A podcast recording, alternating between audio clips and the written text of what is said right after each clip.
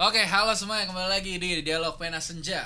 Gue udah lupa ini season berapa, tapi hari ini kedatangan dua tamu dari jauh, ada Mas Aldi Yo what's up guys? yang sudah pernah juga datang ke sini Yo what's up guys? dan ada Mas Andres Halo. yang sangat nervous terlihat di sini ya. Karena ya gimana ya tiba-tiba eh bikin podcast yuk, ayo. ya mumpung sempat, tadinya mungkin kan eh, sebelumnya Andres lagi sakit, jadi gue mau ngajak bikin podcast juga agak susah mungkin. Tapi sekarang dia sudah baikan dan dia jauh-jauh datang ke sini bersama dengan Mas Aldi. Waktu itu kita ngomongin apa ya di? Masih kan? Nggak tahu lupa gue. Jadi gue lagi iseng ngobrol eh, Ternyata banyak, lumayan banyak yang dengar podcast bersama Aldi Ternyata Aldi diem-diem gini Low profile tapi banyak yang cemas dengan keadaan Banyak dia. fans ternyata Eh. gue. Apa perlu gue jadi youtuber aja? Oh siap Eh, Dua teman gue ini punya kesamaan. Jadi di podcast gue gue sering cerita soal trio Belitung ya. Bukan bukan sering sih Beberapa kali gue mention. Dan akhirnya tiga-tiganya Akhirnya bisa diundang. Eh, Atan udah pernah Aldi udah pernah dan saat ini dilengkapi dengan Mas Andres, yes, dulu. Padahal nggak ada achievement apa apa trio trio Belitung tuh ya udah aja gitu doang. Nggak nggak nggak kayak trio Lestari apa apa gitu yang harus ditepuk tangan. Tapi gimana teman-teman kabarnya? Ya begitulah. Mau gimana ya? Gimana Andres kabarnya? Kabar sedang memperbaiki hidup ya. Memperbaiki hidup. Try Hmm. ini kalau kata Spiderman, trying to get better. trying to be better. Dress majuan dikit dress suaranya. Nah, eh gue pengen ngobrol tentang gue rada lupa juga di sama lu pernah ngobrol apa tapi hari ini kita bahas secara eh, ini aja. Rata-rata kan eh, apa yang sudah kita bahas di sini tentang ini Andres tentang quarter life crisis. Walaupun sekarang sebenarnya ya udah nggak quarter quarter banget ya nggak? Umur kita udah lu udah berapa sekarang? 28. 28 lo 27. sumpah lu 28 Eh 27 itu salah. salah, salah, salah hitung, Pak. eh skip satu tahun Anak gua. masa depan. Anak Salah hitung. 27 iya tahun ini 27 sama 95 kan Iya, Ya, kelahiran kita sama semua di 95 Eh, dan hampir itu selalu yang gue tanyain ke anak-anak sebelumnya jadi gue akan nanya dulu ke Andres eh, krisis apa yang paling lo rasain ketika memasuki umur di, eh, 25 ke atas ini apakah quarter life crisis itu real menurut lo baik secara eh, kalau kita biasa bahas baik baik dari keluarga baik dari ekonomi kemudian pressure untuk disuruh nikah mana yang lu rasakan paling kental atau jangan-jangan semuanya kental yang lu rasakan Hmm, yang yang paling kental sih berasa sih eh su apa?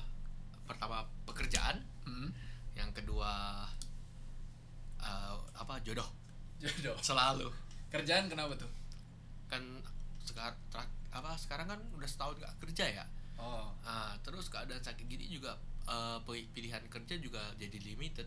Jadi karena Oh, iya. mau start start ulang dari dari awal ya harus mikir benar-benar hmm, hmm. bagaimana ke depan karena umur kan nggak bisa bohong ya. ya Karena kalau kerjaan kan ada batasan umur kita tahu. benar benar, benar. Ah, jadi makin nambah umur makin ngaruh juga kayak kita dapat kerjaan yang available kita buat buat kita apa. Hmm, benar benar Belum lagi umur nambah otomatis kita harus mikir pasangan hidup. iya itu sepaket ya? Sepaket ya, Sepaket. tidak bisa dilepas. apalagi ketika ke pasangan hidup ada berkaitannya dengan kerjaan Iya.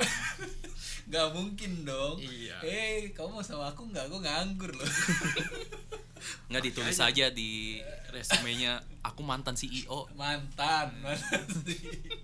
Tapi pressure itu Andres Iya. kerjaan dan jodoh datangnya dari luar orang-orang at- eh, lu ngelihat teman-teman punya kerjaan atau karir yang bagus atau emang dari diri lu sendiri yang punya standar gua di umur segini gua harusnya kayak gini lebih apa lebih dari luar sih Hmm. kalau kalau dari pribadiannya sih selama apa selama bisa jalanin itu sih jalanin aja ya Hmm. at least kita do the best Do the best. ah pasti akan ada dapat jalan nanti karena banyak contoh sih kayak teman-teman Iya. kita ya. Hmm. kayak desperate desperate mereka coba jalanin terus dapat juga ujung-ujungnya terakhir Iya, kan iya. Ah, percaya saja ada. Iya akan ada. Destiny. Tapi eh, selama ini kita ngelihat orang-orang emang bikin pressure tuh mau nggak mau kejadian apalagi di era sosial media sih menurut gue ya. Mungkin bokap nyokap kita dulu cuman tahu dari surat kabar. Mereka nggak ngelihat misalnya eh, mereka nggak punya LinkedIn yang kayak temennya naik jabatan terus di situ ada. Sekarang dia udah jadi ah, ini pressure kan gitu. Tapi teman-teman juga harus tahu bahwa Andres ini bukan nganggur karena emang nggak nggak mau kerja tapi karena situasi kesehatan yang membuat dia sehingga menjadi terbatas untuk eh, nggak bisa kerja. Waktu itu harus recovery ya bener ya. Tapi sekarang udah semakin membaik jadi kita doain aja ke depannya. Aldi gimana di terakhir kali kalau nggak salah kita podcast lu belum sempet kerja tuh waktu itu. Emang ya kayaknya belum sih. Nggak tahu lupa. Tapi sekarang kerjaan sih ya begitulah. Apa sih begitu? Gue kerja kerjaan eh, kalau lu mikirin orang paling normal sedunia itu gue kerjaan kantoran. Nggak, weekdays. Weekendnya istirahat. Nah, main game seadanya gaji seadanya ya itu. Ya. tapi at least ada ada satu checklist yang udah dicek gitu. Maksudnya kayak eh, berkeluarga kerjaan dan lain-lain. Dibanding orang yang mungkin lagi nganggur pressure-nya di lu udah satu udah lebih enak ya udah nggak? udah kecek walaupun waktu kita di titik itu kayaknya pressure-nya adalah anjir gaji dia berapa? Gaji gua berapa? Gitu kan saingannya dan lain-lain tapi ya walaupun gaji masih tetap pengen naik lah pastinya semua orang sih gua rasa nggak ada yang nggak mau naik gajinya tapi Apa pun kurang lebih udah di secure Iya. orang tuh pengen gaji naik jabatan kayaknya nggak semua orang mau Iya. cuman kan karena naik Tanggung jawab sih jabatan tanggung jawab. tanggung jawab kan. Apa? tapi kalau misalnya gaji eh gua kalau bisa mah kerjanya gini aja tapi gajinya makin tinggi itu kan yang terjadi tapi berarti lu happy nggak dengan kerjaan lu yang sekarang di? Kerjaan sekarang sih enak ya kalau menurut gue Eh, nggak terlalu ribet. Terus bukan nggak ter- bukan nggak ribet sih ribet tapi kayak eh, mikirin kerjanya tuh di kantor doang. Pas pulang udah lu nggak usah mikirin kerjaan lagi. Ah iya iya. Itu salah satu akan ada beberapa tipe kerjaan kan kayak Mm-mm. kalau lu langsung eh, di lapangan itu kerjain sesuatu pas pulang udah nggak mikir. Tapi kalau di- di back office manajemen tuh biasanya pusing kan. Di belakang Andres nih pernah jadi salah satunya. Dia pernah boleh nggak sih gue sebut di sini? Lu pernah kerja di mana sebelumnya? Pernah jadi pemimpin lah. Di salah satu eh, jasa gitulah bukan jasa ya katakanlah apa hot perhotelan gitu. Gimana pengalaman lu Dres? Selama di sana berapa lama lu di sana? Setahun lebih. Setahun lebih apa nih? Hmm, kalau setahun lebih nih belum tentu ada yang denger ini loh jadi kita gibahin. Oke setahun lebih Hmm. kerja sebagai pimpinan teratas CEO bisa dikatakan gitu. Bukan sih. Bukan? Jangan sih mah tinggi oh ya CEO ketinggian Hmm. tapi punya tanggung jawab yang besar. Iya. apa Dres struggle-nya Dres karena orang eh, sebelum lu masuk karena orang sering kali ngelihat ah jabatan tinggi mah enak. Iya kan? Hmm. bener gak sebenarnya di balik itu ada struggle ada kesusahan yang lu belum lihat bro. Lu jangan ngomong asal ngomong. Apa salah sat- salah satunya tuh ya eh, kita kan sebagai pemimpin kan kita harus eh, ngambil keputusan kan ya Hmm. untuk kel- kelanjutan perusahaan tersebut namun kalau kita kita mau ambil keputusan tapi dari pihak ownernya tidak mengiyakan Hmm. kita nggak bisa ambil keputusan itu yang di mana keputusan itu tuh sebenarnya dapat membantu kinerja pe- perusahaannya biar lebih baik tapi owner nggak setujuin Ah. itu ng- ngulang-ngulang terus kalau kamu nggak bisa gitu nanti ujung eh, salah satunya dilihat kinerja jelek padahal kita udah kasih saran Hmm. tapi tidak didengarkan Berarti satu di- itu iya. itu dari untuk pihak owner Ah, oke. tapi selain itu kita hadapin juga pihak namanya pemerintah Hmm. berhubungan dengan legalitas segala macam Legalitas. itu Betul. saya juga yang saya juga yang ngurus jadi eh gua gua jangan saya gua ah, gua gua gua gua bahasa CEO beda Masa CEO ya saya Awa awa jadi ada beberapa beberapa hal yang nggak bisa disebutkan Ah. itu mas- masalah dengan pemerintah legalitas legalitas legal legal Ah, ah. jadi itu tuh halnya sebenarnya harus diurus cuman eh, Berbelit-belit berbelit-belit intinya lah susah untuk diselesaikan padahal Katanya simple Andres bukan kerja di Indonesia, ini kerja jauh lah di sana. Iya, di- sini kan semua lancar ya, di cepet. Wakanda Forever, sini, ya. iya. Dia jauh waktu itu di kepulauan mana, Raftel apa di mana gitu. Wakanda dia Jadi gitu, eh, dua itu. Eh, Dua eh, itu. iya sih tapi decision making harus di maksudnya kalau kita jadi bawahan pun Hmm. kemudian punya pemimpin ada dua yang ngambil keputusan berat Iya. ya kan kayak Nah. sebenarnya keputusan bagus Nah. tapi kapal-kapal aja cuma satu ya, ya. yang nyetir. Nakodanya, nakodanya kaptennya, iya. cuma satu nggak Makanya bisa. main game juga kalau lu game-game zaman sekarang juga kita ngomongin game kecintaan kita Wild Rift bohong deh. Mobile Legend atau apa pun gamenya in game leader ya satu. Eh, shot call dibilang kan yang ngambil keputusan. Tapi itu memang berat. Kalau pemerintah tadi sih balik lagi ke negaranya sih kebetulan aja mungkin ya yang dapet yang berbelit-belit. Hmm. ya kalau di sini sih enggak. Hmm, di sini mah ber Wah, tokcer ya kan? Per. Selain itu Andres eh, tadi kan rata-rata ke atas sama ke samping. Ke atas kan sama owner ke Hmm. samping sama eh, legalitas. Ke bawah ke subordinate ada nggak struggle-nya? Ngurusin segitu banyak orang yang jadi tanggung jawab lo? Hmm, kalau untungnya sih subordinatnya nurut aja sih hmm. nurut aja dengan eh, tiap kali kayak udah kumpul kasih arahan Hmm. mereka nurut tidak Nurut. bandel Ah, bandel. nah cuman ada beberapa yang yang kita ngomong baper ya Hmm. cuman ditegur dikit resign besoknya langsung serius ada resign langsung dia masih muda iya beda se- beda setahun kayaknya As. iya beda setahun dua, dua tahun kayaknya. Ditegur ditegur dikit. Besoknya resign langsung kasih surat. Ah, nggak ada ayu langsung keluar. Hmm. itu eh terbaik itu. Nggak tahu mau berkata apa heran sih gue sih maksudnya ya. Hmm. Eh, berkaitan dengan itu gue sempat punya pemikiran ini. Gue gue lupa gue pernah bahas apa enggak. Eh salah satu hal yang membedakan generasi kita ya generasi kita kan lumayan tuh generasi tengah-tengah. Gue nggak tahu kita apa sih Z apa milenial Why, atau apa sih? Why? Why kan? Why? Au ah. Nggak tahu. Lah ada yang nyebut. Bodoh why. amat dengan tapi eh, bedanya sama kayaknya Z itu yang sekarang kan? Hmm. kita kalau nggak salah Y atau apalah itu.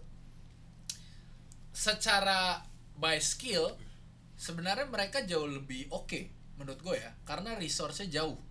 Mereka nonton YouTube udah bisa ngapa-ngapain. Maksudnya kita kalau kita lihat kita zaman SD aja belum ada tuh anak 8 tahun tiba-tiba karate loncat 3 meter gitu. Kita setidaknya belum ngelihat itu dan belum bisa mempelajarin itu kan sedangkan di anak zaman sekarang itu jauh lebih banyak secara uh, resource untuk mereka dapetin pembelajaran baru. Tapi minusnya yang tadi itu mental. lemah. Mentalnya. Mentality. Eh walaupun kita nggak tahu ya dia resign karena mungkin saudaranya kenapa atau apa tapi banyak ke- kelihatan juga kok di sosial media juga kita ngelihat maksudnya anak-anak zaman sekarang ketika diperhadapkan dengan sesuatu yang sebenarnya kalau lu mau challenge bisa gitu. Kalau lu mau bikin diri lu oh gue tough nih gue bisa itu bisa. Tapi lebih milih untuk ini curhat dulu di sosmed spal spill dulu nyari backingan dari netizen gitu kan. Walaupun gak sold out backingan tapi maksudnya apa bedanya ya? Mentalnya kenapa beda gitu ya? Apa di? Menurut lu Eh, mungkin karena media sosial juga ya pastinya. Eh, Oh. mereka nggak bukan orang yang berani gitu. Bukan orang yang bisa belak belakan jadi mereka mesti ada apa dari ada bantuan dari pihak luar. Oke. Lu gimana Dre? kalau menurut menurut gua mah karena mereka tuh kurang sosialisasi aja. Ke apa eh, interaksi antar manusianya kurang. Jadi saat saat kena suatu hal kayak misalnya kena singgung kena tegur itu hal yang tidak biasa buat mereka mereka nggak sanggup nerimanya karena Hmm. kalau menurut saya sih gitu Hmm. beda kayak generasi kita kan kayak internet belum ya udah masuk dikit-dikit lah ya Oh. tapi kan sebenarnya masih ada pergi ke rumah teman ketemu teman berantem lah Ya. argumen Oh, sorry. nah kalau yang kalau yang zaman sekarang kita bisa gadget- gadgetnya udah canggih via teks semua nggak tatap muka Oh. beda pressure-nya ngomong tatap muka sama via alat komunikasi beda oke oke dari sana. Eh, didikan orang tua menurut lo ngaruh sama hal itu? Karena menurut gua ngaruh sih kayak Mm. maksudnya gue dididik waktu kecil dipukul kalau salah. Iya. Wah, bukan ditonjok ya tapi dipukul kakinya gitu. Tau lah batasannya orang tua gue juga. Tapi ngajarin gue buat tough gitu. Ya ini salah nih pak gitu. Tapi diajarinnya ke depannya kalau lu ngadepin sesuatu yang berat lagi ya lu jangan jangan lemah gitu. Jangan jadi anak yang lemah kalau sekarang gue ngelihatnya kan eh, ini bukan berarti gue anti ya bukan berarti gue menjatuhkan juga tapi kan kita sering eh, yang naik tuh mental health issue Iya. kita nggak boleh sembarang sekarang lu apa apa salah karena Iya. bisa melukai mental orang makanya lain. ini ngomong jaga-jaga Nah, mikir dulu baru iya. ngomong walaupun di podcast sepi tapi di cancel nih kita be careful maksud gue aware dengan mental health is a very good thing ya kan? Lu tahu bahwa apa yang lu katakan bisa menyakiti lu. Tapi jangan semua hal dijadiin lu nggak boleh gitu mental health gue terluka. Maksudnya mental health lu juga harus tough dong gitu. Ngerti gak maksudnya? Mm. jangan lu Jangan- biarin lembek terus jangan terus orang-orang harus ngikut. Jangan Iya. jadikan alasan. Ya dan menurut gua itu ada hubungannya selain sama sosmed sama didikan orang tua. Menurut kalian gimana? Ya anak zaman sekarang emang menurut gue ya eh, apa terlalu dimanja nah jarang sih kalau apa kalau melihat anak zaman sekarang dipuk sampai dipukul ya buat dirinya buat ditegasin jarang cuma diancam paling. Ya. laporin polisi. Karena serba salah juga takut takutin mau, mau dipukul ntar lapor. Hmm.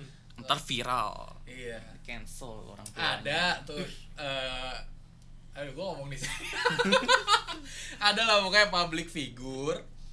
Dia nge-spill katanya dia dari kecil di apa sih eh, abusive word atau apalah gitu. Dia nge-spill di Instagram eh, bla bla bla bla bla banyak dah. Terus dia sampai nge-spill video dia dicekek kayak kayak diginiin eh, diangkat gitu kerahnya sama orang tuanya. Hmm. rame rame banget banyak belain dan lain-lain. Tapi kemudian adeknya nge-spill balik. Katanya sebenarnya itu salah diceritain lah dari sisi orang tuanya dan lain-lain. Dan sebenarnya orang tuanya baik dan ternyata dikasih dia begitu karena emang anaknya bandel. Jadi dia suka pulang anak cewek kan suka keluyuran nggak tahu mabok kayaknya terus pulang nggak sadar sama itunya kayak dicek gitu disadarin gitu. Sama dia direk gila maksudnya yang kayak gini-gini kan bikin kita pusing ya. Kadang lu harus ngebelain kan katanya bela korban dulu ya kan. Iya. oh dia nih kena mental dan lain-lain.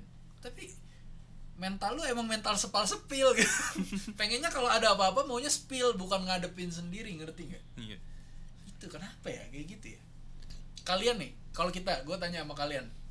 Lu kalau misalnya ada orang jahat sama lu ada nggak lu kepikiran satu persen atau berapa persen di pikiran ah gue viralin lah orang ini. Enggak. Gue viralin sih enggak tapi kayak pengen ngebales lah gitu. Ya, ya, kalau pengen ngebales ya iya. ayo aja kalau balas iya. Ya, beda kali. Mungkin kita ngebalesnya pengen kita apa ya mungkin tapi- cara cara mereka membalas ya begitu. Iya caranya dengan Diviralin. diviralin. Yang padahal kalau viralin itu skopnya terlalu luas men.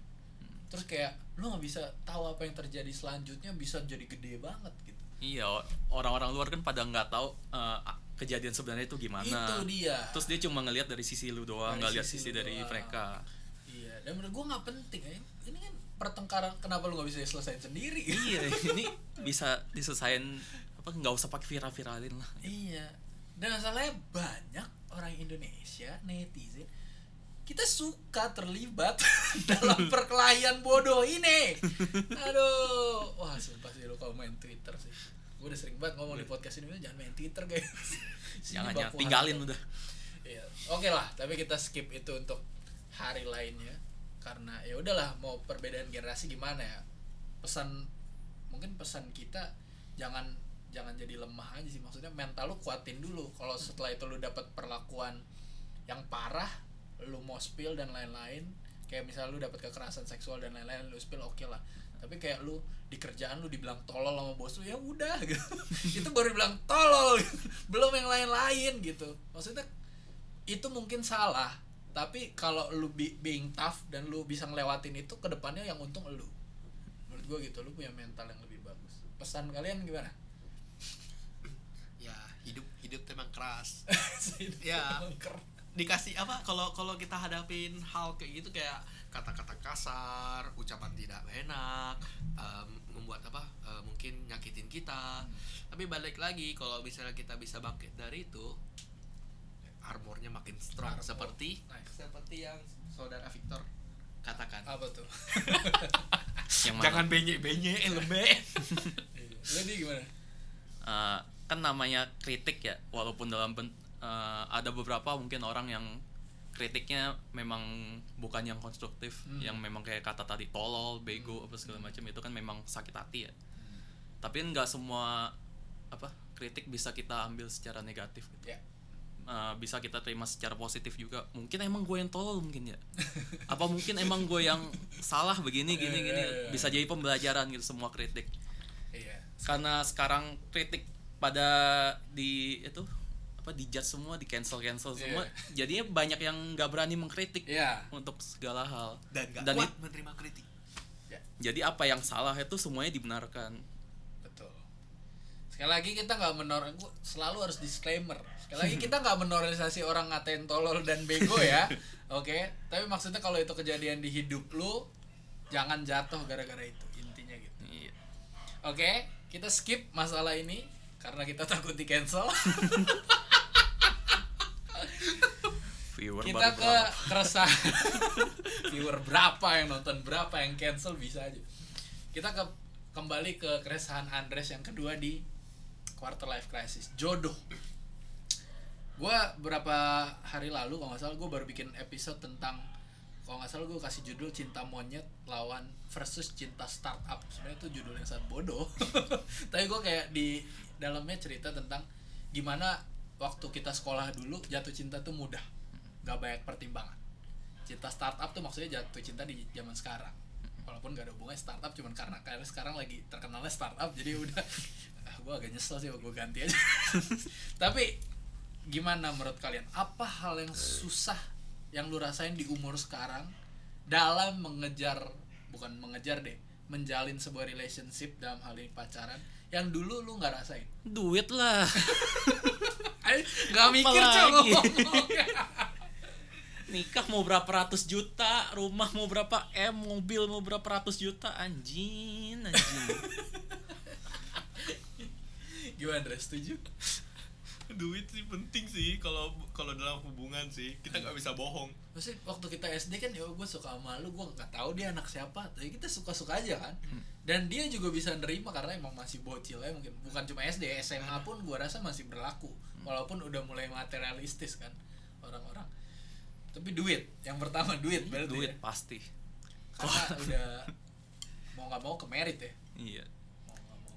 Selain itu selain duit deh ada lagi nggak faktor lain yang bikin susah nyari cinta di zaman sekarang kalau ngomong tampang gimana guys Lo tampang kan dari dulu sama sekarang gak beda. susah makanya itu kayak modal Malah awal. harusnya sekarang better dong. Masa muka lu lebih jelek dari yang dulu? Masa lu gak growing? growing kan ada dua Oh, arah iya juga ya. Gue juga kayak gantengan dulu. Ayo lucu banget lagi. Dari akses deh. Sekarang kan lebih gampang. Ada sosmed. Bikin mudah atau bikin susah? lebih mudah tapi maki kalau pribadi sih lebih gimana ya karena makin canggih Hmm. teknologi Hmm. fitur untuk tipu-tipunya makin Ah, banyak iya, ya gua setuju. kita kita makin ragu Hmm. ngerti gak Filter-filter. Iya, makin ragu, gak tau kenapa kayak ragu aja gitu, Kalau ragunya belum ketemu langsung. Iya. Iya, benar. begitu. sama kalau kita banyak pilihan kan jadi makin bingung ya pilihnya mau mau yang mana Hmm. makin lama Iya, iya benar. kita lihat makin banyak yang bagus makin ngeliat banyak yang bagus Iya. standar kita ikut naik gitu jadinya kalau ketemu orang yang biasa-biasa aja kita kayak aduh apaan sih Ya, gue ngerti, gue ngerti. Karena itu kayaknya Instagram harus ada fitur baru sambil kita nge-scroll feed seorang.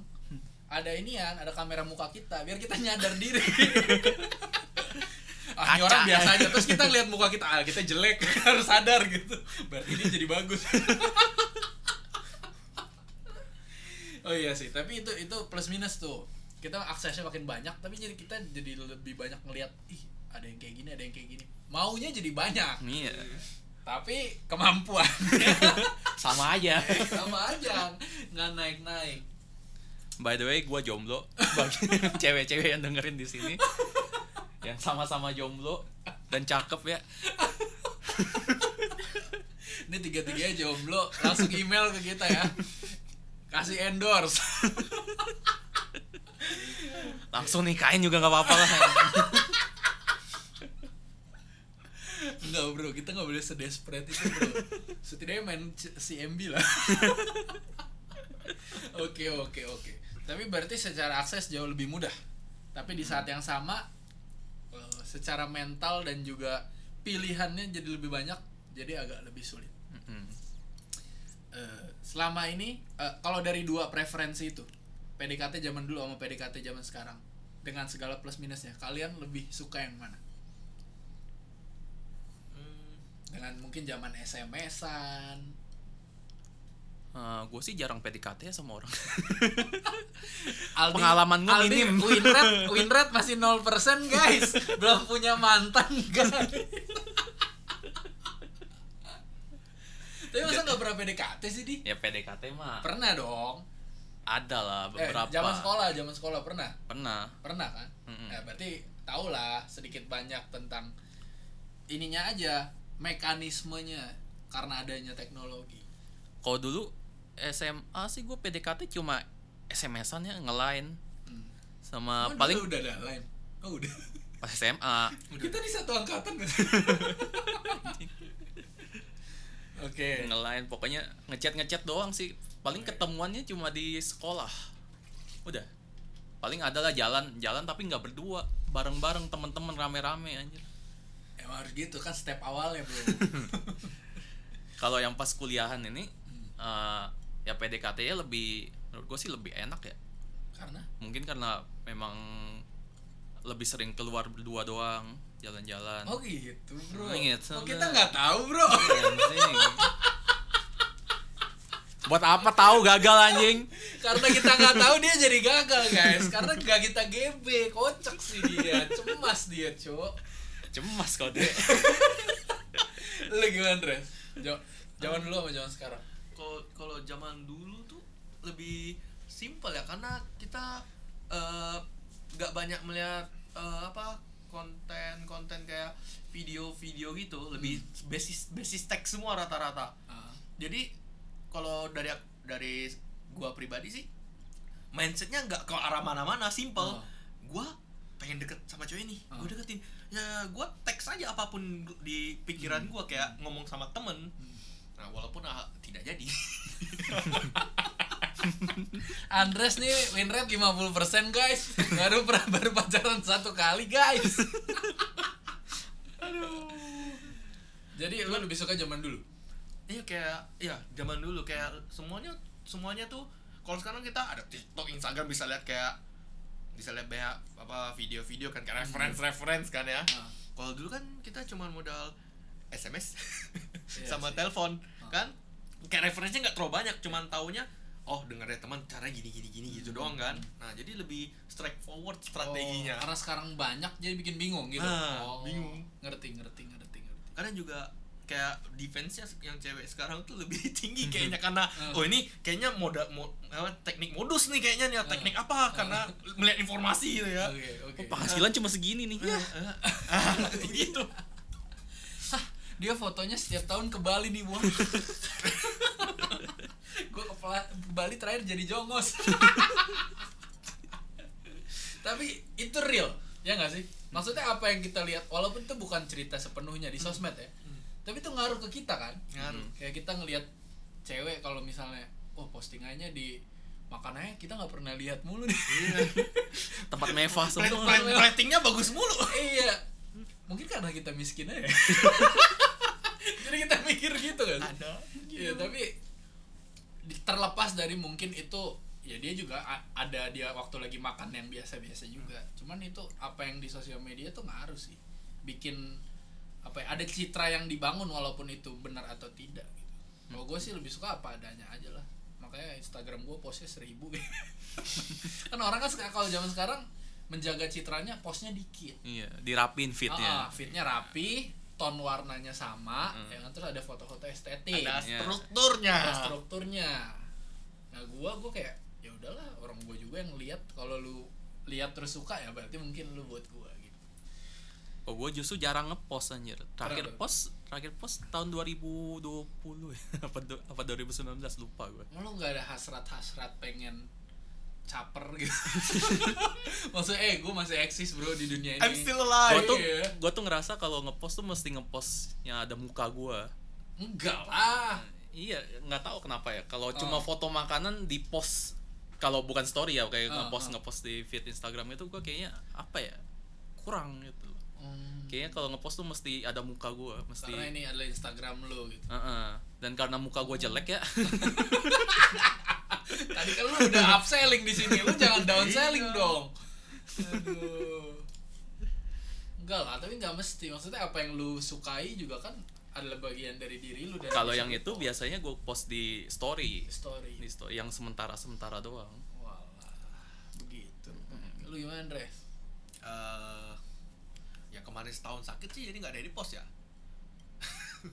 kan ada orang yang kalau sakit caper. Eh, foto lagi di off now aduh gue benci banget cok so- sumpah. so eh, kalau kalau gua pribadi mah karena kemarin waktu yang kemarin sakit itu struggle ya struggle. Sampai nggak bisa segitu ya? Sampai nggak mikirin Sampai hal nggak itu. mikir. terus lebih lebih banyak mikirin tuh gimana bisa lewat gimana bisa lewatin Iya. ini biar karena literally ya orang di ke orang di di kemo ya tersiksa. Emang iya iya iya jadi akhirnya cuman mau cuman bikin story kayak bikin story itu cuman kayak reminder ke sendiri kayak bahwa lu sekarang kamu eh, gua sekarang ini lagi mau di kemo. Brace yourself. Beneran jadi story itu. Iya. Kan? Eh, kalau sekarang tuh bukan story orang-orang garbage. Ya tapi kemarin emang situasinya mungkin. Tapi lu sebenarnya kalau dari diri sendiri ada hasrat nggak? Gua lagi sakit nih pengen ah update story gitu Hmm, siapa tahu. ngepost infusan. Eh, mak- maksudnya kayak foto infusan atau kayak "Eh, gua lagi ini nggak nggak suka. Karena kenapa? Karena eh, gua kalau gua pribadi pengen Instagram itu eh, kalau gua share sesuatu Hmm. itu tuh nggak ada ke arah yang jelek-jelek gitu. Gua Hmm. nggak suka. Ngapain gua share negativity tapi ke nggak orang? jelek dong. Kan lu kan sakit bukan sesuatu yang jelek. Ya ngapain? menurut lu? Iya itu Oh. kayak hal yang jelek. Ya, ah. Ngapain gua share ke orang gitu lihat Hmm. gitu kalau misalnya kayak misalnya lagi jalan-jalan lepas atau mengamen pemandangan bagus kalau Hmm. orang lihat juga mungkin ada vibe bagus buat mereka Hmm, pengennya kayak gitu. ngerti ngerti, ngerti. hmm. Ya gue juga kurang lebih kayak gitulah. Hmm. Gue post Instagram itu pengen pamer. Oh, Tapi oke. karena nggak ada yang bisa gua pamer ya. gue kalau gue kebalikannya gue paling males pamer di walaupun orang banyak bilang ya Instagram tuh buat pamer tapi menurut gue norak men. Maksudnya lu sebutuh itu apa diakuin sama orang-orang di sosmed bahwa lu punya sesuatu yang baru gitu? Iyalah. Karena Gue perlu orang lain tahu. gue punya ROG. gue beli PC beli sepatu gue paling aduh ngapain sih? Nggak usah diupload lah. Makanya isi story gue cuman upload repostan lagu Spotify itu doang yang gue bisa.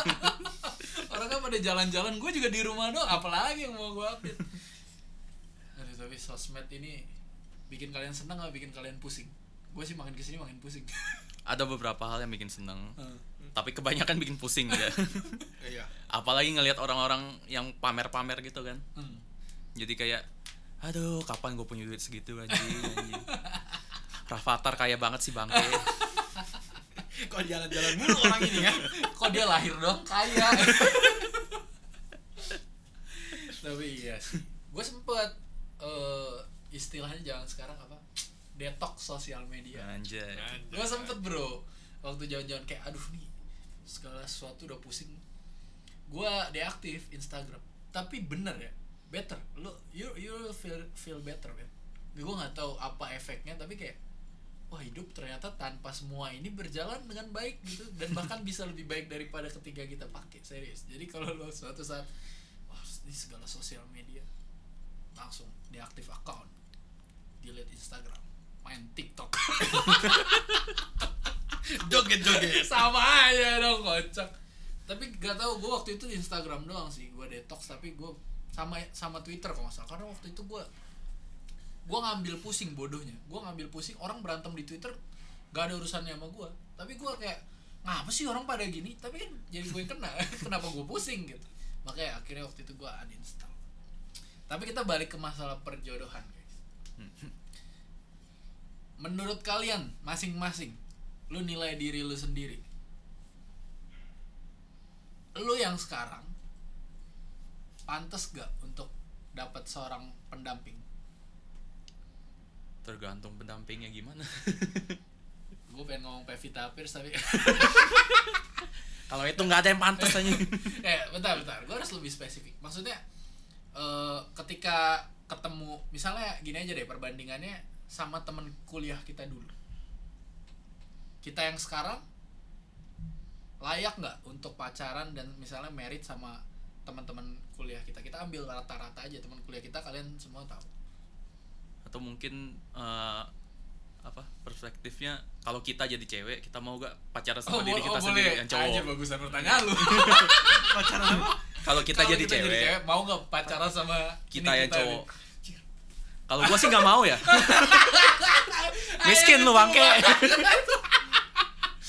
Ya kalau kalau gua mah ya pasti enggak lah. Gimana gimana mau iya? Lu bayangin aja. Lu bayangin ya punya penyakit ya. penyakit penyakitnya di bawah. Nah miskin iya. Nggak kerja iya. Mana dia mau anjing tapi gue sama sih jawabannya. Kayak gak mau. Kerja di sekolahan ngurusin bocil. Duit ke depan nggak tahu kayak gimana. Apalagi fisik ya begitu nggak jelas. Suka ansos. Apalah apa yang mau dibanggain aja oh, jadi sedih gini ya bang? Kita ngomong aku ketawa-ketawa doang air mata menetes. Isu udah habis tapi gak boleh gitu men. Kita harus pede sih maksudnya. Dengan segala kekurangan kita ada plusnya lah. Gue gua di kadang gue mikir kayak tadi cuman gue kayaknya gue bisa ya. Dan kalau kita menurut gue ya once kita ketemu cewek yang kita emang desire anjing gaya banget desire. Soulmate soulmate. Ya kayak eh gue gue suka sama dia.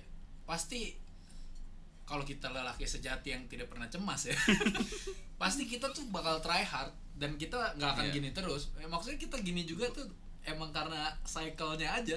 Nggak ada cewek ya udahlah apalagi gitu kan. Tapi pas ada cewek kita masih try hard iya iya nggak sih? Iya. iya.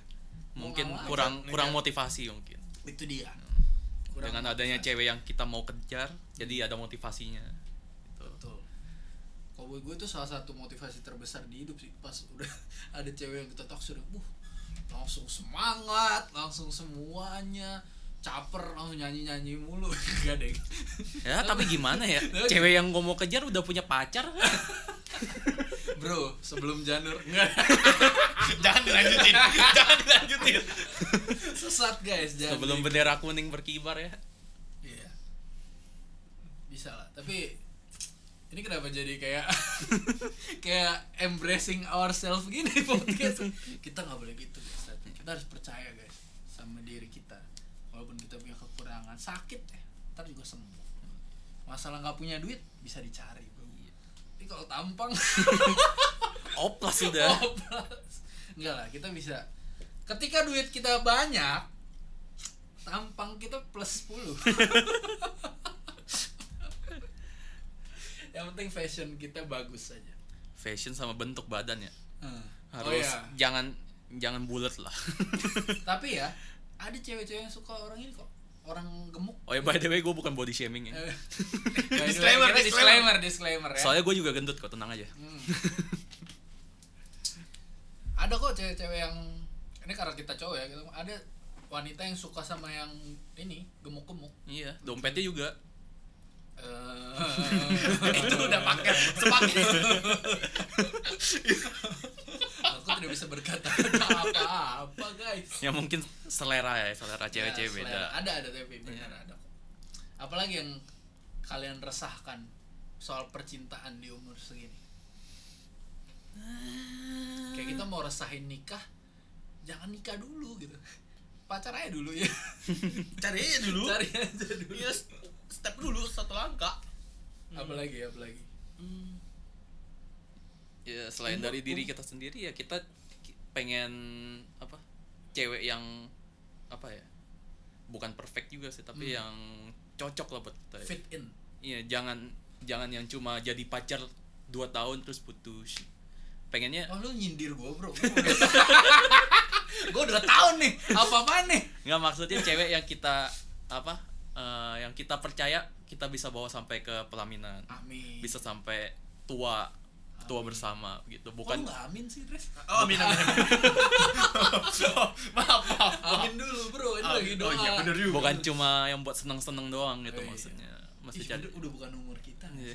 Eh, seneng seneng seneng mah sewa aja gitu sewa eh Sewa PlayStation. lama nih gue. Sewa sewa HP buat main Mobile Legends Iya, betul. atau teman mabar bersama Lita Lita kalau mau masuk langsung.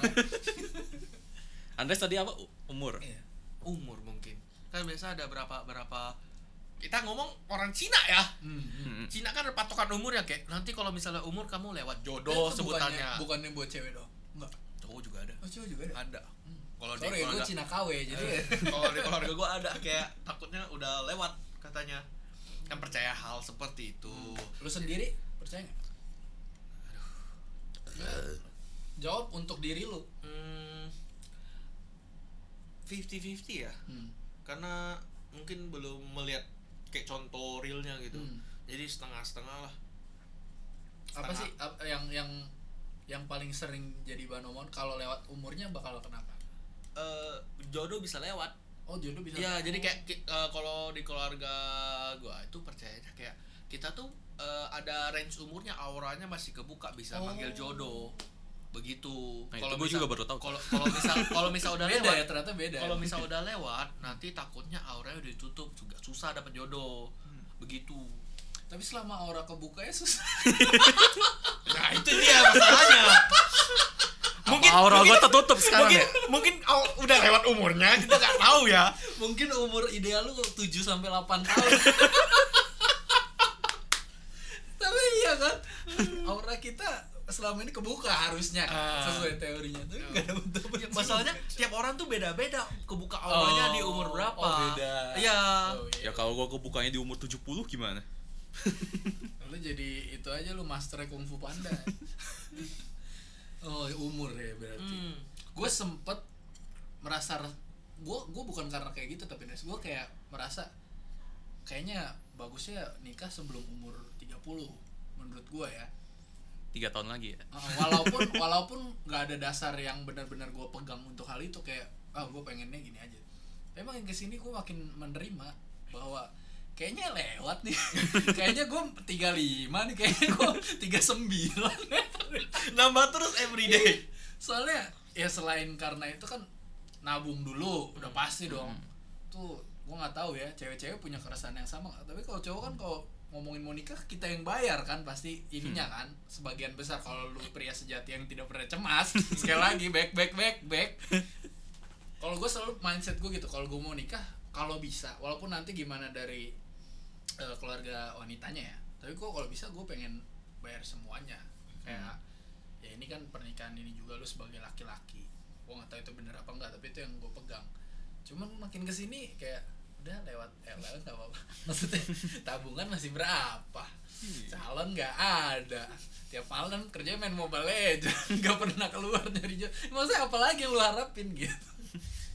Gimana menurut kalian? Umur di. Tadi dia udah umur. Kalau ngomongin umur sih gue mikirnya malah ke kesehatan ya. Hmm. soalnya kalau udah terlalu tua takutnya udah nggak bisa bikin anak eh, spermnya udah tidak udah udah kurang tidak- kuat. ya, kurang kuat. Atau dari pihak ceweknya yang udah nggak subur Iya. atau gimana? Mungkin itu sih kalau yang gue pikir dari umur. Sama kalau misalnya umur kita misalnya nikahnya umur 38 misalnya. Hmm. pahit ya pahit pahit pahit pahit. Back back back back back. Back, back, back, back, back. 38 Eh, kita punya anak beda berapa tahun? 38 sih Nggak, 38 tahun bedanya iya maksudnya anak itu kita kalau langsung dapet ya iya itu kalau langsung dapet kalau kalau gimana ya anak umur 10 kita udah umur 40-an hmm. anak umur berapa kita udah umur berapa jadinya kayak apa ya terlalu jauh gitu Gak menikmati mas masa bersama anak sebutannya. ya kalau kita panjang umur ya Iya. kalau kita mati di amit-amit Amit, back back amit, back back back back back back, back, back, back, Mas, mas. Di umur misalnya 70-an lah Iya. sebut lah itu udah lumayan. Anak kita baru umur 30 ya udah bisa mandiri sih Nggak sebenarnya. bisa merit sih dia sih. Kecuali dia kayak kita juga. Iya. dia meritnya juga 38 tapi kan kayak kasihan gitu loh. Oh iya iya. Secara effort kita ngurusnya harusnya kita bisa better lah. Mm-mm. gue sempet tuh ngobrol sama banyak teman-teman di podcast ini soal banyak yang gitu soalnya lu secara mental belum siap tapi karena ngerasa umurnya emang ini menurut gue ya itu emang maksudnya bukan hitam sama putih doang gitu bukan yang ini hitam bukan ini putih ada abu-abu ada abu-abu terang ada abu-abu gelap di tengahnya nggak bisa kita cuman yang benar ini yang benar ini karena semua punya pertimbangannya masing-masing Mm. mengenai umur. Eh, tapi kalian pribadi ada nggak? Wah, gue setidak tidaknya banget lah. Umur segini harus udah. Kalau target sih ada tapi kalau dijadiin kayak keharusan itu Ah. enggak target tapi nggak harus gimana? enggak maksudnya maksudnya enggak kayak gue ulang tahun 35 gue cari cewek gue nikahin sekarang kan enggak Will you marry me di jalan ya? Iya. Will you marry- tapi kan kalau target ya ya sebelum Adalah. sebelum Oh iya, itu oke. mungkin. Lu gimana, Dres? target ada Berapa? Lu berapa di? Eh, tadi 35 35. 35 udah kayaknya last last last itu last Last, last game. last last game end game udah end game selesai nggak selesai kumpul ya.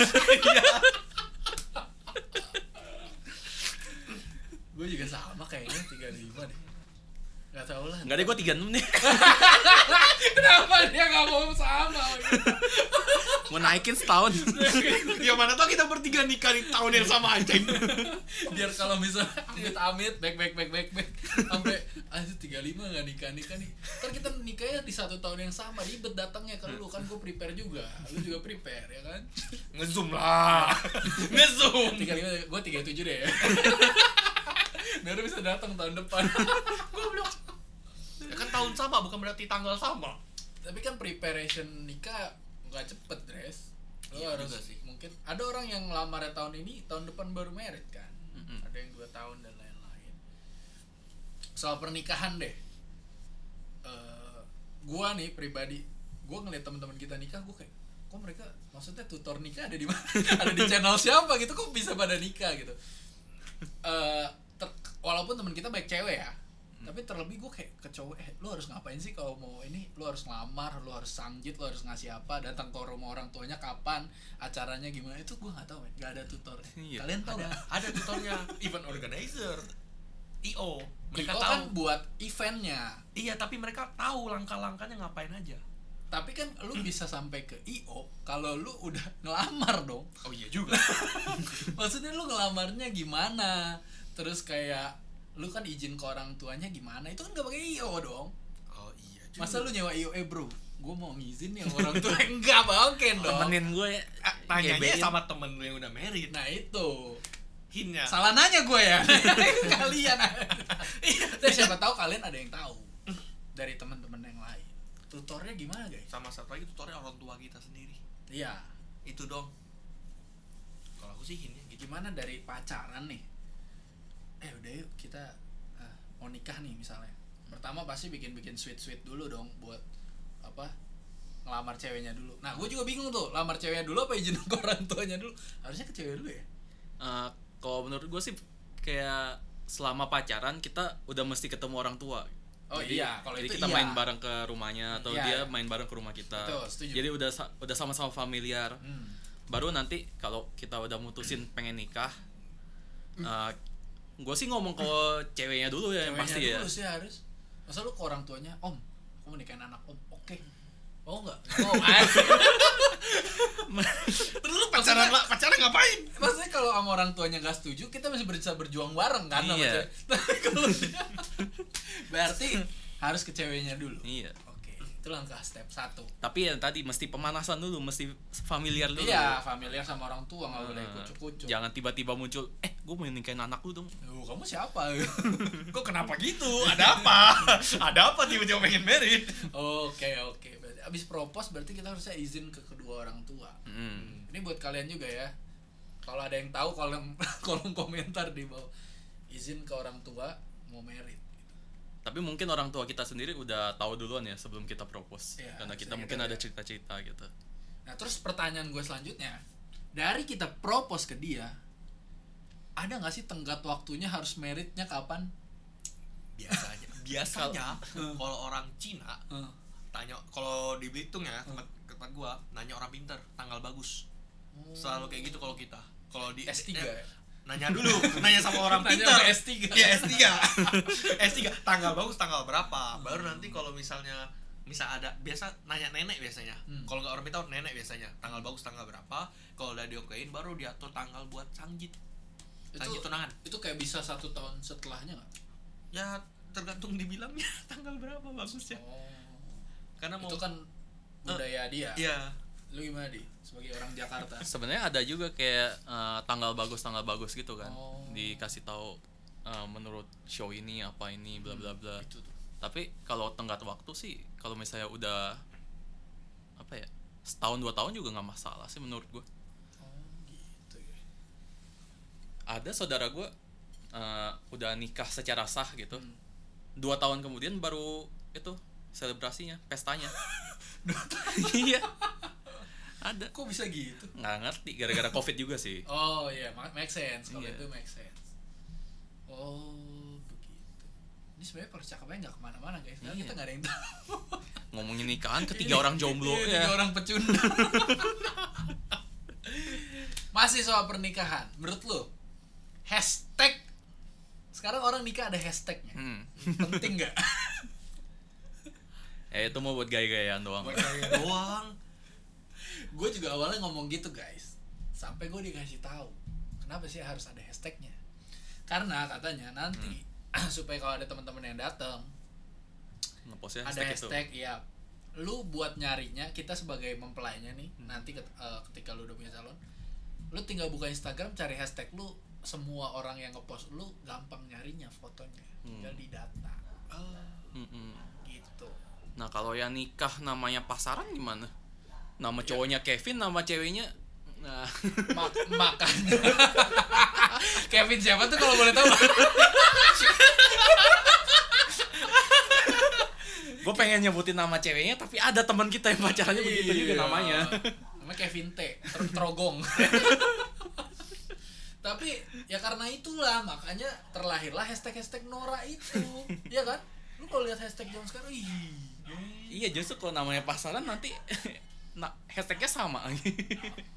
Makanya kan carinya sampai bikin polling. Lu tahu nggak Andres ngeliat orang-orang eh gue mau merit nih hashtag yang bagus apa ya? Gitu. Gue sih pengennya hashtagnya FYP biar langsung jadi FYP TikTok. Tapi sampai sekarang gue juga yang kayak kayaknya nggak penting-penting banget gitu. Maksudnya foto mah bisa lah selain lu pakai hashtag kan lu nyewa fotografer. Iya. tapi karena teman-teman maksudnya euforianya. Gitu-gitu. Yang penting mah amplop merahnya pak. Amplop merah kalau nggak ada isinya sama aja pak.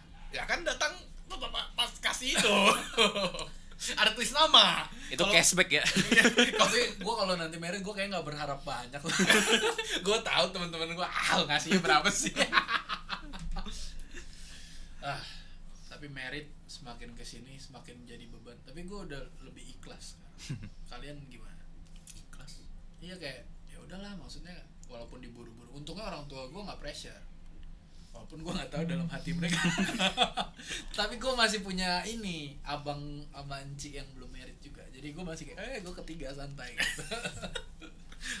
Kalian gimana? Masih semakin umur bertambah semakin terpressure pastinya.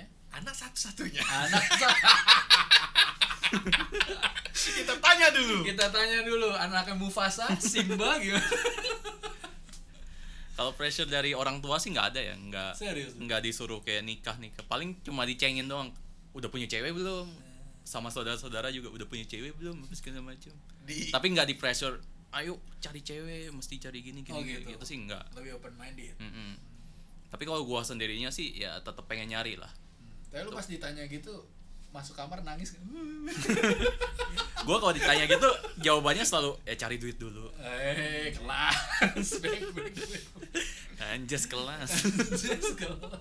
Aldi nih bos. Andre sih udah kelihatan dari mukanya. aduh sebagai anak bu anak bontot ya Hmm. kakak tiga cewek udah merit semua Hmm. di umur muda ya di, dikejar-kejar sih tapi lu bener-bener secara frontal gitu kapan kamu? gitu.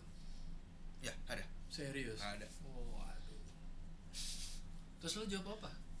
Eh, am sorry sorry gitu. Padahal nggak pakai headset. Nggak gitu pak. Ya eh, apa cum ditanya ada nyari gak sih? Ada nyari gak sih? Hmm. Sampai oh tanya gitu. ditanya lu nyari nggak? Nah, ada. Ya Nyari dengan mah. Dengan ngegas ya? Dengan ngegas. ya ngegas nanyanya. Bukan nyantai. Hmm. ya nyari bilangnya. Hmm. ya walaupun sebenarnya kayak bingung mau start dari mana waktu itu. Hmm. cuman karena akhir-akhirnya ada di disemangati sama temen ya coba. Ada ada boleh start. Cari. Jangan jangan dipecundangi mulu. Harus melawan arus. Jangan terseret ombak terus guys. Betul bro.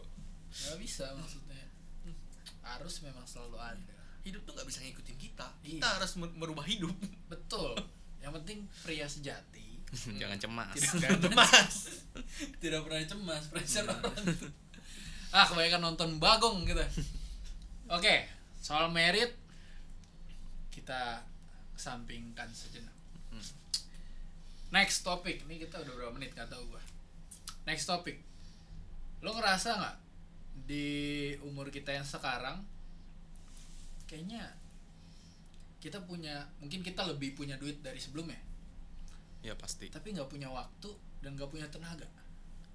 Tenaga sih ada ya tapi waktu doang nggak ada. Kalau tenaga iya gua merasa. Tapi kalau waktu ada ada aja. Kalau gua? Gue sama kayak dia. Gua kalau gua kalau gua. Kalau gua pribadi. juga ya. maksudnya beli game Hmm. Ratusan ribu untuk tidak kita mainkan. Maksudnya ini adalah sesuatu yang menghibur kita di masa lalu loh. Games. Iya. tapi sekarang kayak maksudnya waktunya ada tapi kayak ah males dah. Karena mungkin mungkin sense of happinessnya mungkin karena dulu ada Udah, temen ya. ya, udah beda udah beda. Karena kita udah melihat kayak hal yang bikin kita senang tuh udah berubah. Atau mungkin kita melihat teman-teman kita tuh tidak in indulge in eh, apa terjun di Oh. kesenangan itu lagi Oh. kita merasa kayak ih teman gua aja nggak senang di game itu lagi Hmm. gua gak ada teman buat main bareng gitu merasa kayak biarpun game dulu kita cinta banget Hmm. temannya udah hilang kayak kita ikut bosan ya, ada attachment di Iya. teman-teman kalau gua pribadi Ah, kalau gue sih lebih ke nggak ada waktu ya soalnya gue kerja kan senin sampai jumat hmm. terus kerjanya juga bangunnya jam 6 walaupun masuk kerja jam 8 karena jauh Hmm. Jam. terus pulang bisa jam 5 jam 6 sampai rumah udah jam 8 jam 9 kan. Jadi eh, sebelum jam 12 sudah mesti tidur supaya bisa bangun lagi jam 6 besok. Kayak nggak ada waktu gitu kalau buat main. weekend? Kalau weekend tenaganya udah habis. Nggak sih ada. Tapi kan banyak gitu yang pengen di dilakuin pas weekend. Iya. nonton. Stamina-nya nggak cukup ya? Iya. bukan bukan stamina nggak cukup. Apa pengen nonton Kesibukan pengen banyak, ya. pengen nonton series pengen nonton film pengen main game. Diajak jalan diajak mabar. Itu kan apa Benar, nggak semuanya bisa kita lakuin pas weekend. Oh, pantas ya maksudnya kita kalau ngelihat cerita-cerita zaman dulu ada papa janji weekend mau jalan tapi pas hari weekendnya bapaknya tidur. Ternyata kayak gitu. karena capek guys. Apalagi udah semakin tua. Hmm berarti berarti yang ditanyakan saudara saudara Victor tadi? Nggak usah kayak skripsi deh. Saudara Victor siapa? Bro, saudara bro gua? Victor bro Victor. Bro bro Victor. Partai bro. Aduh. Apa tadi wak apa eh, makin makin apa makin ber- bertambah umur. makin bertambah umur makin gak ada waktu sama tenaga ya. Hmm. itu balik ke profesi gak sih? Iya tergantung ya. Iya tergantung profesi ya gak sih? Kalau misal kita kerjanya stay at home di rumah bisa WFH Iya. waktu banyak karena nggak buang banyak energi kan? Betul betul. Hmm. dan ini faktor perjalanan. Lu kan tua di jalan. Iya. Sampai di, dipecundangi di jalan. Iya maksudnya kalau ru- rumah lu dekat sama kantor mungkin lu akan karena eh, apa tua di jalan itu ngaruh ke energi lu pas balik juga kan? Iya. waktu yang termakan. Belum lagi kalau di jalan kesel moodnya buat main dan lain-lain. Coba di jalan udah berapa jam waktu? Hitung hitung empat lima. Ya tiga tiga apa empat jam lah. Nah udah dipecundangi itu kalau macet. Kalau nggak macet sih bisa lebih cepat lumayan bolak balik soalnya. Kan Nah, tapi sih lebih seringnya macet ya. Emang Jakarta bangke. this is Jakarta bro. Next question. Ini gue sering nanya ke diri gue sendiri. Gue mau nanya ke kalian. Lu nyangka gak sih lu umur, umur lu sekarang udah 27 dengan pik- pemikiran lu dan apa yang lu ketahui tentang diri lu sekarang? Gua gue merasa gue masih lebih bocil dari seharusnya. Maksudnya di suatu titik tertentu gue merasa oke gue udah ngerti kedewasaan dan lain-lain. Tapi gue masih suka kayak bocil menurut gue gue masih pengennya pengennya seneng-seneng sukanya berimajinasi imajinasi. Menurut gue gue masih bocil men. Kalian sama gak sih sama gue doang? Ya yang merasa juga kadang kayak kayak kadang susah amat kayak mau melihat realita gitu. Bahwa lu tuh udah fucking 27 men. Ya gak sih?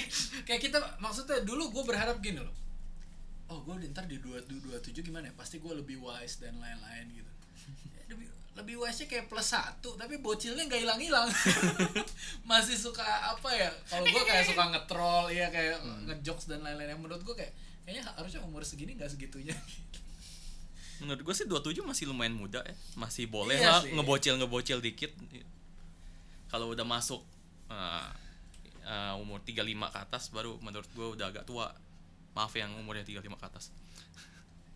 Tapi gue rasa nggak tapi hilang tapi tapi konteks konteks kalian ngejokesnya kayak mikir bocil itu kan ada ke audiensnya siapa kan? Benar gak sih? Iya iya. Ya benar kan? Iya, betul. kalau misalnya sembarangan nggak mungkin dong kita dong kayak random shit ada orang lu ngejokes ngetrolling Iya, iya. mungkin kan? Kayak ngeprank ngeprank youtuber Iya. yang bodoh itu Ah, nggak nggak ah. mungkin. Mungkin konteks kedewasaannya mungkin kita kalau dari Victor dari Victor lihatnya kayak perilaku ke teman-teman teman-teman dekatnya mungkin atau gimana? Iya di satu sisi itu tapi di sisi lain kalau gua sendiri nih gue masih ngerasa gue kayak bocil. Kayak gue pengennya apa nonton anime gitu misalnya ya. Itu kan sebenarnya kalau orang tua kita kita lihat dulu nontonnya udah pada berita. Gue sampai sekarang kayak nonton berita ah enggak enggak semua gitu. Penting menurut gue ya. Masih ada sisi-sisi bocil kalau sendiri kayak gue pengennya masih suka ngikutin ego-ego ke kekanak-kanakannya Walau, tapi kalau ketemu orang lain gue harus membela diri. Kalau enggak gue nggak laku.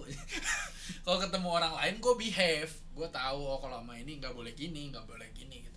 Tapi kalau lagi sendiri gitu kayaknya pengennya ah udahlah malas gitu. Itu kan bocil banget itu kan.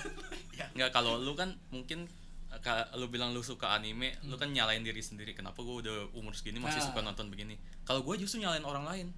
Ngapain lu nganggap anime itu hal bocil bocil? tontonan bocil Ah, karena ya. kan nggak semua anime itu atau kartun itu tontonan bocil gitu loh. Kan Se- nggak semua minimal. iya se- nggak semua game itu game bocil. betul betul betul sih tapi kayak Mobile Legend kenapa gue bocilnya ya eh, di umur sekarang gitu kita pro player bukan apa bukan tapi kayak rutin main setiap hari itu apa gitu stress eh stress relief Iya, di saat misalnya kayak kalau lu apple to apple nya wah ini nih si ini umur 27 udah punya ini gitu kan. Ah itu Dia- mereka dia main aja terlalu oke. tiap malam. lu gimana, Dres? Hmm, kalau melihat pribadi sih lebih apa? Ya kalau bilang bocil, ya bocil. Gimana ya? Eh, mungkin bocilnya tuh lebih kayak cuek orangnya ya, nggak peduli kayak lu nggak melihat realita lu udah 27 umurnya gitu nggak melihat prospek ke depan lu harus gimana gitu Iya, itu juga tuh, itu, itu, juga. itu itu yang, yang merasa kayak Pemikiran bocil. pendek. ya pemikiran pendek jadi kayak bocil gitu kelihatannya Iya, iya. walaupun kayak dari perilaku mungkin kita lebih baik dari dulu ya lebih tahu kayak how to behave kayak yang seperti Victor bilang kan nah cuma satu sisi kalau pribadi penilai eh, apa konteks dewasa itu kita lebih bisa lihat ke depannya sama eh, tahu kita eh, kita mau ngapain gitu Hmm. karena eh, tahap kita menen- apa mengambil keputusan itu kan salah satu nggak hal yang nggak gampang Hmm. kalau buat aku eh, buat gua pribadi jadi dari sisi itu gue sangat bocil sih kalau gue tim Oh, iya, menimbang iya. diri sendiri Hmm. Hmm. Tapi harus diakui nggak maksudnya gua mungkin gua lurusin kita bukan yang nggak mikirin masa depan kita mikirin tapi langkah-langkahnya yang konkretnya kita tidak sedetail itu tahu. Gua nggak tahu ini dirasain sama semua orang atau enggak tapi gue gue pengen kalau kalau lu tanya di umur segini gue pengen apa gue pengen punya gini gini gini gini tahu gua. Tapi ketika lu gua rasa ketika lu udah lulus kuliah langkah lu ke depan tuh nggak jadi semudah waktu lu sekolah ngerti nggak sih lu? Lu SD lu tahu besok gue lulus gue SMP SMA abis SMA gue kuliah semester 1 sampai semester 6 abis kuliah lu kan cuma mikir abis ini gue kerja. Terus udah. Bagus syukur-syukur kalau ada yang gue pengen kerja di sini. Kemudian lu kerja di situ. Kemudian hidup gak berjalan sesuai dengan apa yang lu inginkan. Emang gak hebat sih maksudnya orang yang punya aktualisasi oh gue nih ke depannya abis ini gue ke sini ke sini. Hebat. Nggak ada yang ngarahin gitu. Mm-mm, kayaknya emang buka- bukan soal bocil atau enggak sih. Kalau itu. Kayak lebih kayak aduh gue nggak ngerti juga sih. Tapi emang itu struggle semua orang. Gue rasa orang-orang lebih tua dari kita pun dia udah nyaman di satu pekerjaan belum tentu dia langsung oh gue tahu nih harus ngapain habis ini. Mungkin akan terbantu kalau udah punya keluarga. Jadi kan pressure-nya lebih berat jadi dia akan lebih ngambil keputus- keputusan gitu. Kira-kira kayak tapi gue rasa nggak akan hilang men sisi bocil. Maksudnya lu pernah lihat kan bapak-bapak yang kelakuan? Suka random tiba-tiba. Gue rasa gue akan jadi bapak-bapak itu dah mungkin mungkin bapak kita pun ada sisi bocil ya kita nggak tahu. gue aja suka jokes bapak-bapak dari dulu. Ya itu. Sampai sekarang gitu. Uncle jokes. Ya maksudnya ya itu sisi ke suka bercanda dan lain-lainnya nggak hilang-hilang sih. Itu mah emang nggak akan hilang sebenarnya Uh, kayak terus kayak kenapa gue bilang bocil? Kadang kita tuh kalau udah sama satu hobi tuh ini banget. Ngerti gak sih? Kayak anak-anak ketemu mainan baru. Kayak uh gitu. Lu pernah nggak lihat sih bapak-bapak yang terobsesi banget sama apa? Misalnya cupangnya atau Hmm. burungnya. Kayak Batu itu nggak bisa akik. hilang iya. Batu akik misalnya atau yang suka sama motor. Cuman upgrade aja bukan mainan lagi kan. Iya. cuman jadi mainannya lebih mahal. Mainannya lebih mahal. Kayaknya nggak bakal hilang sih itu sih iya hilang kita udah jadi orang yang beda coy. Jadi robot. Jadi robot kita. Ah. apalagi yang mau kita bahas? Lu pada ada yang mau disampaikan tidak? Apa aja bebas apa ya? Kalau lang kalau di langsung ditanyain begini ya gak tahu ya? pengen ngomong apaan tapi pas selesai podcast pasti pasti langsung ada Ya, ide tadi harusnya lu gimana Andres? Apa pun lebih milih masuk surga sebagai tamu. Sebagai apa? Ya pertanyaan pertanyaan dua dua juta dolar pas kuliah. Apa deh kasih tahu deh lebih milih masuk surga sebagai tamu tujuh hari setelah itu menghilang tanpa jejak atau masuk neraka sebagai pekerja. Jadi lu kerja di neraka bukan disiksa. Tapi nggak tinggal di situ kerja doang. Iya lu kerja di neraka. Mu- mungkin lu yang nyiksa orang mungkin lu yang adminnya. bagian adminnya. Tapi lu nggak masuk surga. Gue mending turu. Masuk surga tujuh hari. Tapi lu bayangin lu kerja di neraka nyiksa nyiksa orang terus lu ketemu orang yang keselin gitu nah lu nih. Lu yang waktu itu nyiksa gue kan waktu itu kan. Tetep gue mampus cepes cemas kok dek. Back back back back back back back. Beli gamis aduh udah.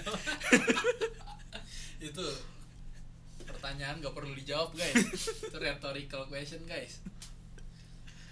Apalagi?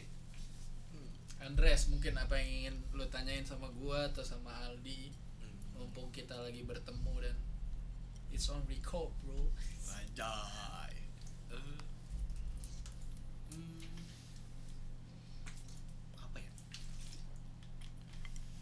Untuk para cewek-cewek yang denger jangan lupa kita jomblo. Cuma ngingetin aja dari tadi kita udah downgrading diri kita di sini Cok. jadi udahlah. Siapa tahu ada yang fetishnya suka sama cowok. Iya. cowok rendahan. Rusak podcast rusak. Eh, Betulnya kalian denger ini mungkin dari tadi ah nggak apa-apa mereka gitu-gitu. Siapa tahu mereka good looking enggak ya? Kita nggak good Dah lah. Ah, ada lagi nggak yang mau dibahas? eh gim- eh, kalau gua eh, kalau gua pengen nanya nih Hmm. kalau dari kalian nih misalnya kalian sedang struggle suatu hal nih misalnya kayak eh, ada masalah ataupun eh, ada tan- ada tantangan yang harus kalian hadapi gitu Hmm.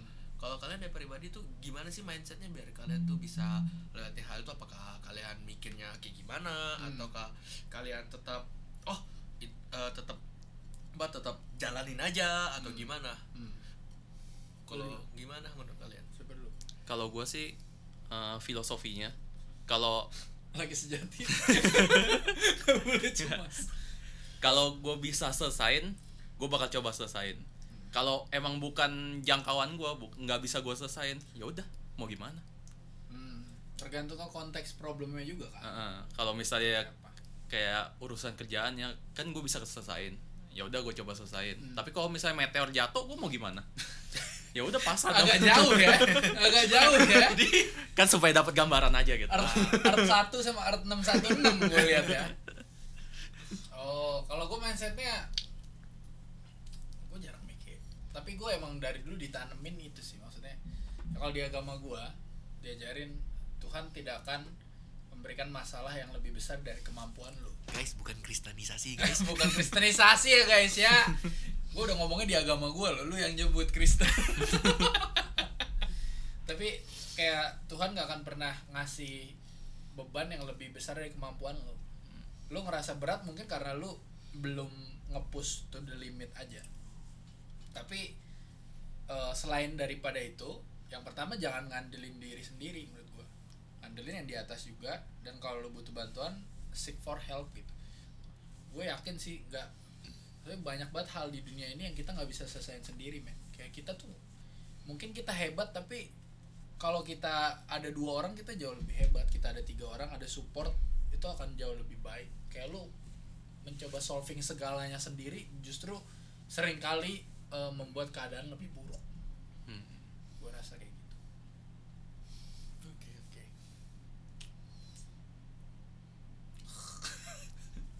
Ada lagi? Sangat membantu. Sudah sudah terjawab? Sudah sudah terjawab. Terjawab. baiklah baiklah. Terakhir.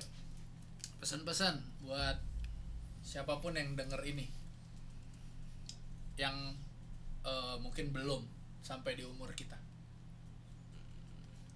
oh yang masih di bawah kita maksudnya. ya Eh, siapa tahu mereka denger podcast ini belum relate.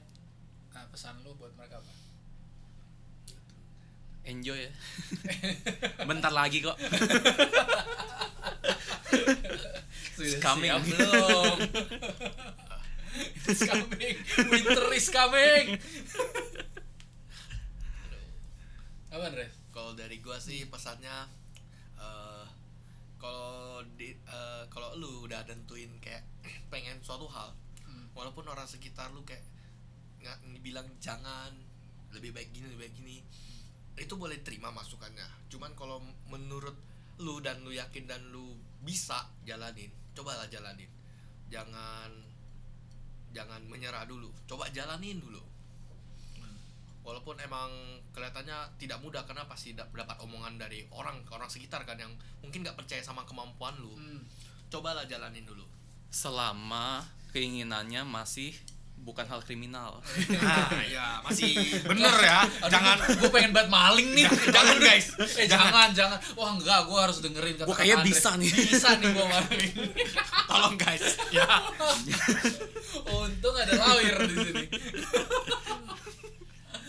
karena nanti kalau misalnya kalian nggak jalanin keinginan kalian mungkin ke depannya saat kalian udah tambah umur Hmm. kalau udah lewat hal itu mungkin bakal mungkin akan bisa nyesal ke arah nye- nyesal Hmm. atau bersyukur kita nggak tahu. Cuman at least kalian jangan sampai ada rasa gantung gitu. Oh, coba coba aja dulu. Ngerti ngerti. Kalau kata Panji Panji Pragiwaksono stand up comedian eh, mimpi itu nggak pernah mati. Dia cuman akan eh, gue lupa apa. Dia dia cuma akan ngilang terus waktu lu tua dia akan balik lagi seba- bentuknya tapi sebagai penyesalan. Anjay. kelas. Berarti gue nggak punya mimpi. Berarti gue nggak mau nyesel dong. Mau mimpi terus tidur aja kayak turu deh kalau dari gue sih eh be tough aja. Jadilah orang yang gak gampang kalah dan gak nggak gampang ngambek sama keadaan gitu dunia emang keras gitu. Maksudnya jangan berharap semua hal itu ngikutin apa yang lu mau itu udah pasti salah. Dan eh kalau suatu saat lu sampai di umur ini dan lu kayak kita coba berdamai aja. Maksudnya kalau lu pusingin nggak akan ngebantu apa-apa. Kalau gua inilah yang gue lakukan dengan menertawakannya dengan menertawakan diri sendiri. Maksudnya at least gue dapat happiness dari ironi ini. Bener gak ironi? Ironi. Enggak dong. Ironi itu kalau ah misalnya udah udah udah, udah. tapi intinya itu kita memang bukan orang yang berkapabilitas untuk ngomong ini tapi gue rasa setiap orang bisa menajamkan satu dengan yang lain siapa pun dia.